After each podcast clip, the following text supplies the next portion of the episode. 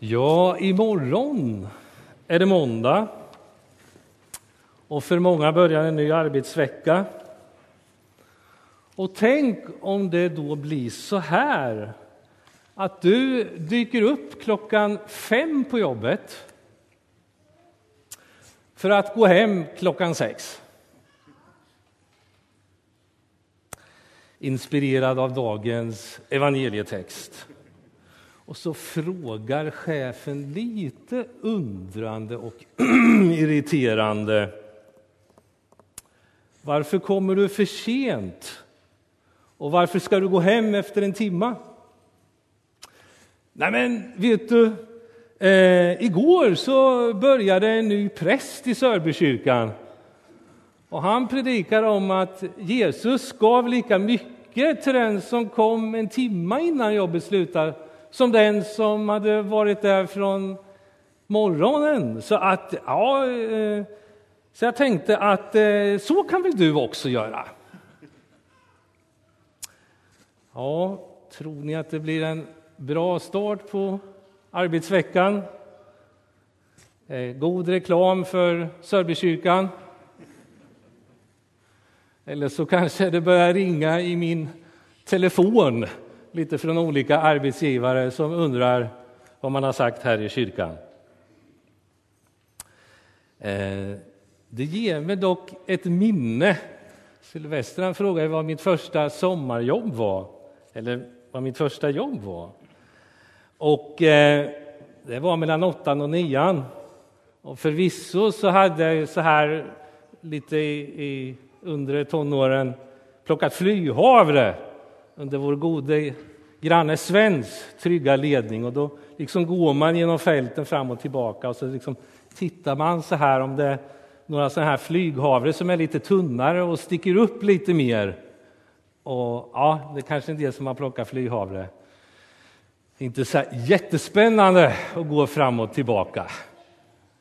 Eh, men riktiga första sommarjobbet sen, då var jag hos Per Stangborgs måleri. Och då fick man gå upp och åka moped halv sju eh. för att komma till den stora tätorten Östra Husby klockan sju och vara där och sätta igång. För att sen klockan 16 eh, åka hem igen och vara trött. Eh, den andra sommaren sen, då fick vi jobb ute på Arkö lite norr om Sankt Annas skärgård, om ni eventuellt känner igen det. Och då var det så att eh, där gick det postbåt och sopbåt ut till Arkö. Och då var det så att då kunde vi få åka med postbåt eller sopbåt. Så då kunde arbetsdagen bli från 8 till 14.30 med full betalning. Yes! Det var ju lite som i den här texten. Det var ju himmelriket att få ha det så. Och vet ni vad? Man, kunde, man fick också lite betalt för att man åkte med någon som hade körkort. Så man fick sitta i bilen och åka med och få lite betalt. Ja, så var det fantastiskt. Eh, rena himmelriket kan man säga. Och det var ju så Jesus börjar sin berättelse här i Matteus 20 och det finns ju ungefär på sidan 13, 37 om man vill ha texten framför sig. Med himmelriket är det som när en jordägare vid dagens början, och det var ju då klockan sex som de räknade tiden ifrån, gick ut för att leja arbetare till sin vingård. Ja, han gjorde upp om en denar. En denar var ett silvermynt. Det vanligaste silvermyntet ofta upprepas i Nya testamentet. Och det var en lön kan man säga för en dags grovjobb. Och sen gick jordägaren ut i tredje timmen, står det, och de skulle få skäligt betalt. Tredje timmen, det är då vid nio och sjätte timmen vid tolv och nionde timmen sen då vid klockan 15. Och så gick han ut till torget igen vid elfte timmen. Vi brukar ju säga så, att det var i elfte timmen, lite allmändagligt. Och sökte arbetare. Om det fanns kvar några där vid torget, det var liksom där då, dåtidens arbetsförmedling. Man gick till torget och så kom de olika som ville leja arbetare och lejde arbetare vid torget. Varför står ni här och hänger? sa han då vid elfte timmen. Och de svarar, ja, ingen har lejt oss. Ja, men kom då till min vingård. Ja, och så är det dags för löneutbetalning efter en dag i solhettan och förmannen möter upp. Och nu kliar sig många i huvudet så här, för när förmannen eh, ställer upp ledet så får de ställa sig först som kom i elfte timmen. Och så har vi väl då nionde timmen och sjätte timmen och tredje timmen. Och så de som var med från dagens början, klockan sex. Mm vad är det här? Men när det bakre ser och hör att ja, men de där längst fram, de har fått en denar, tänker jag, då börjar de nog fundera, ja, men vad ska vi få då? Om de där, och, och så, så sprider sig det här i ledet. Då. Man undrar, vad kommer jag att få? Mm. Och så stegar då morgonpasset där fram med förväntan. Men besvikelsen blir stor när de får silvermyntet i sin hand.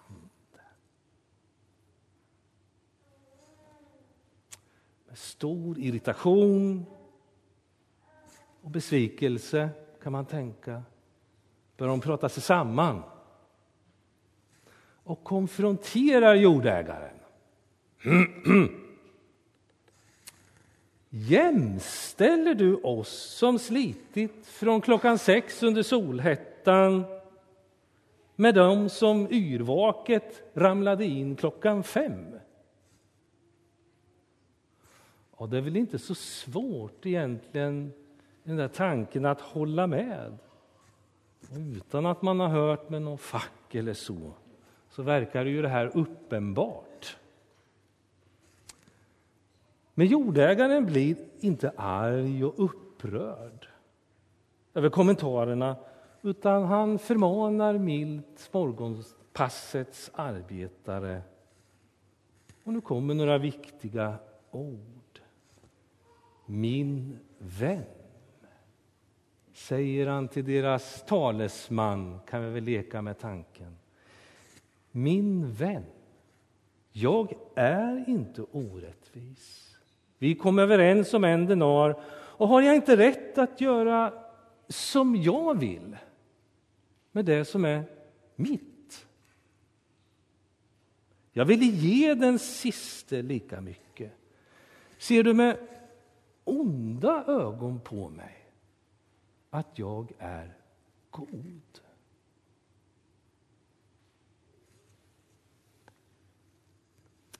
Med himmelriket är det som.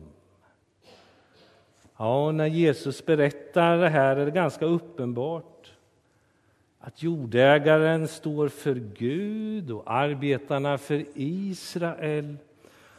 Och vi drar det också vidare till kyrkan som vingården, Guds rike och himmelriket. Jag är god.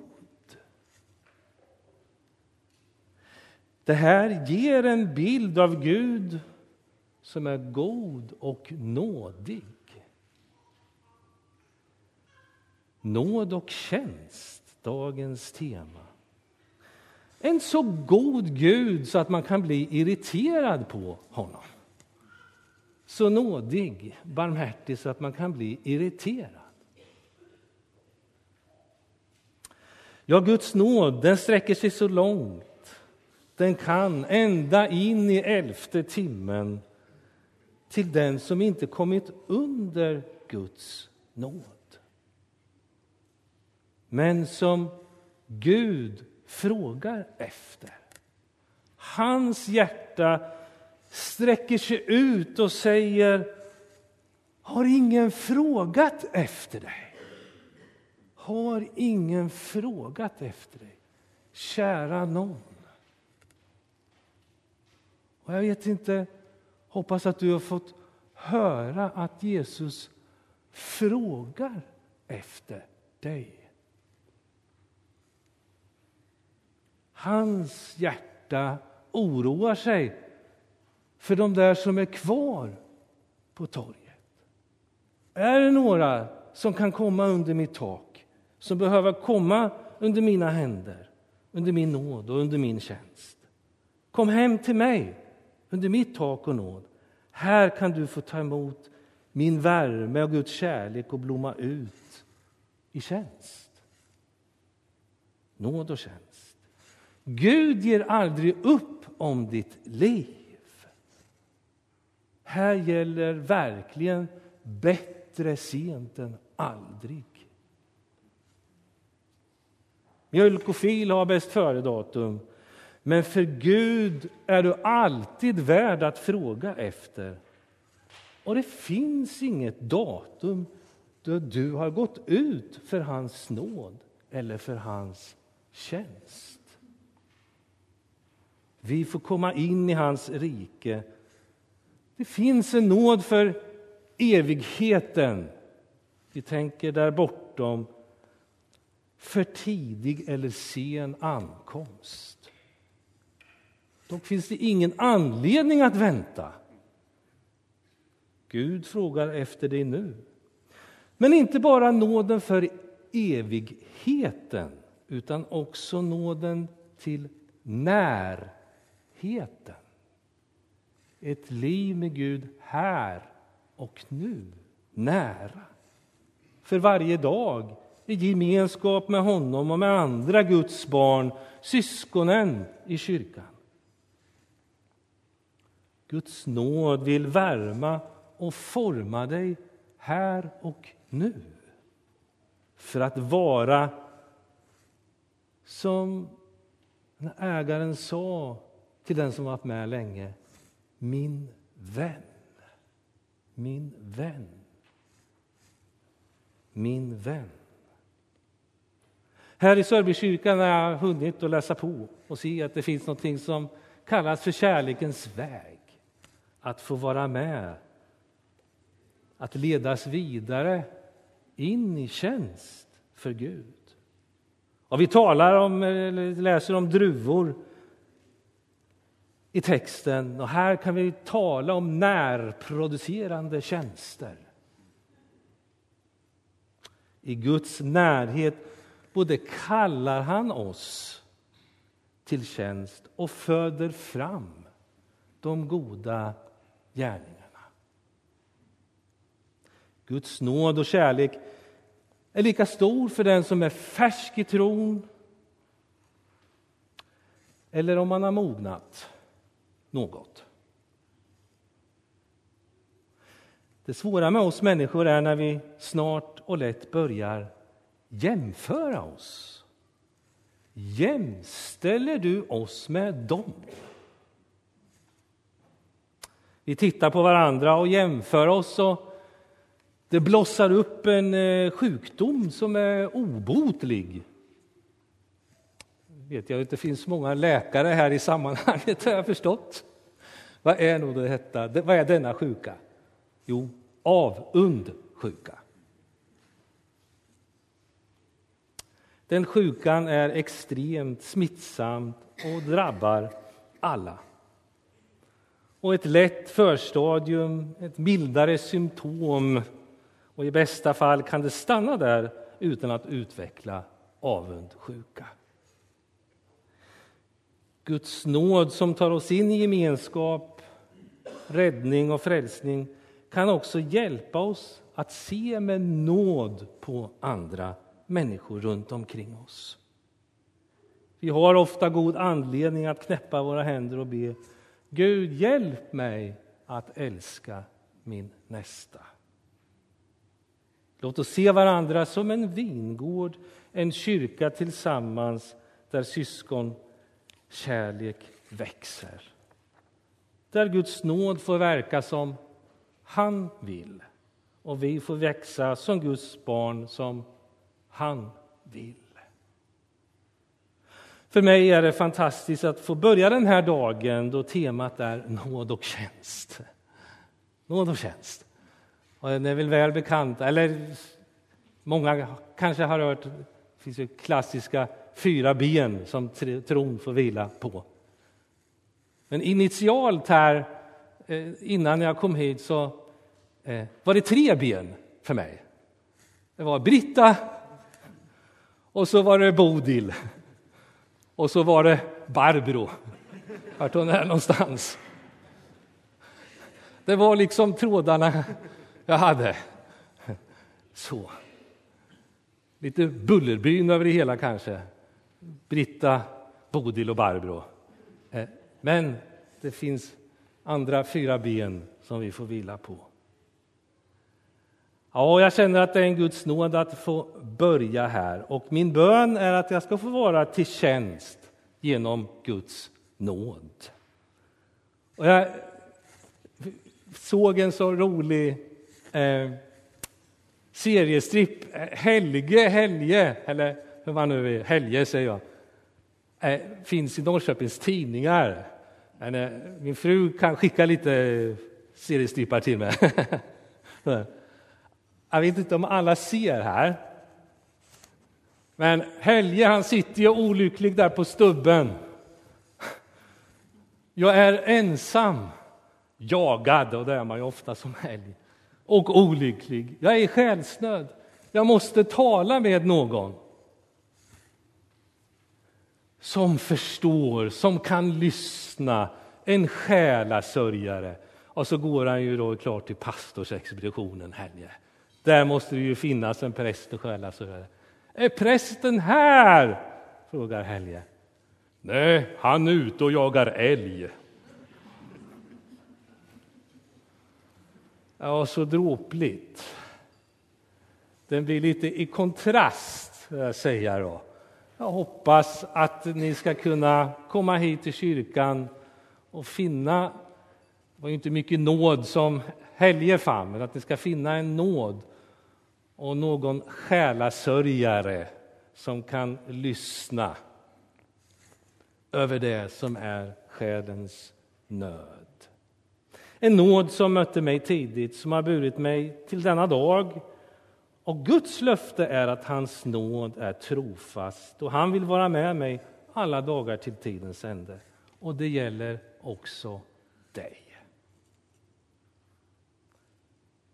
Och från Jesu ord. Min vän, oavsett vad du ser dig själv på linjen som gammal i vingården eller nykomling och sommarjobbare. Guds nåd är för dig. Amen. Tack Jesus för din nåd. Tack att du drar oss in i den under din nådens stora kappa och värme. Tack att du vill ta oss i tjänst. Ge oss av din helige Ande för dina syften och mål. Amen.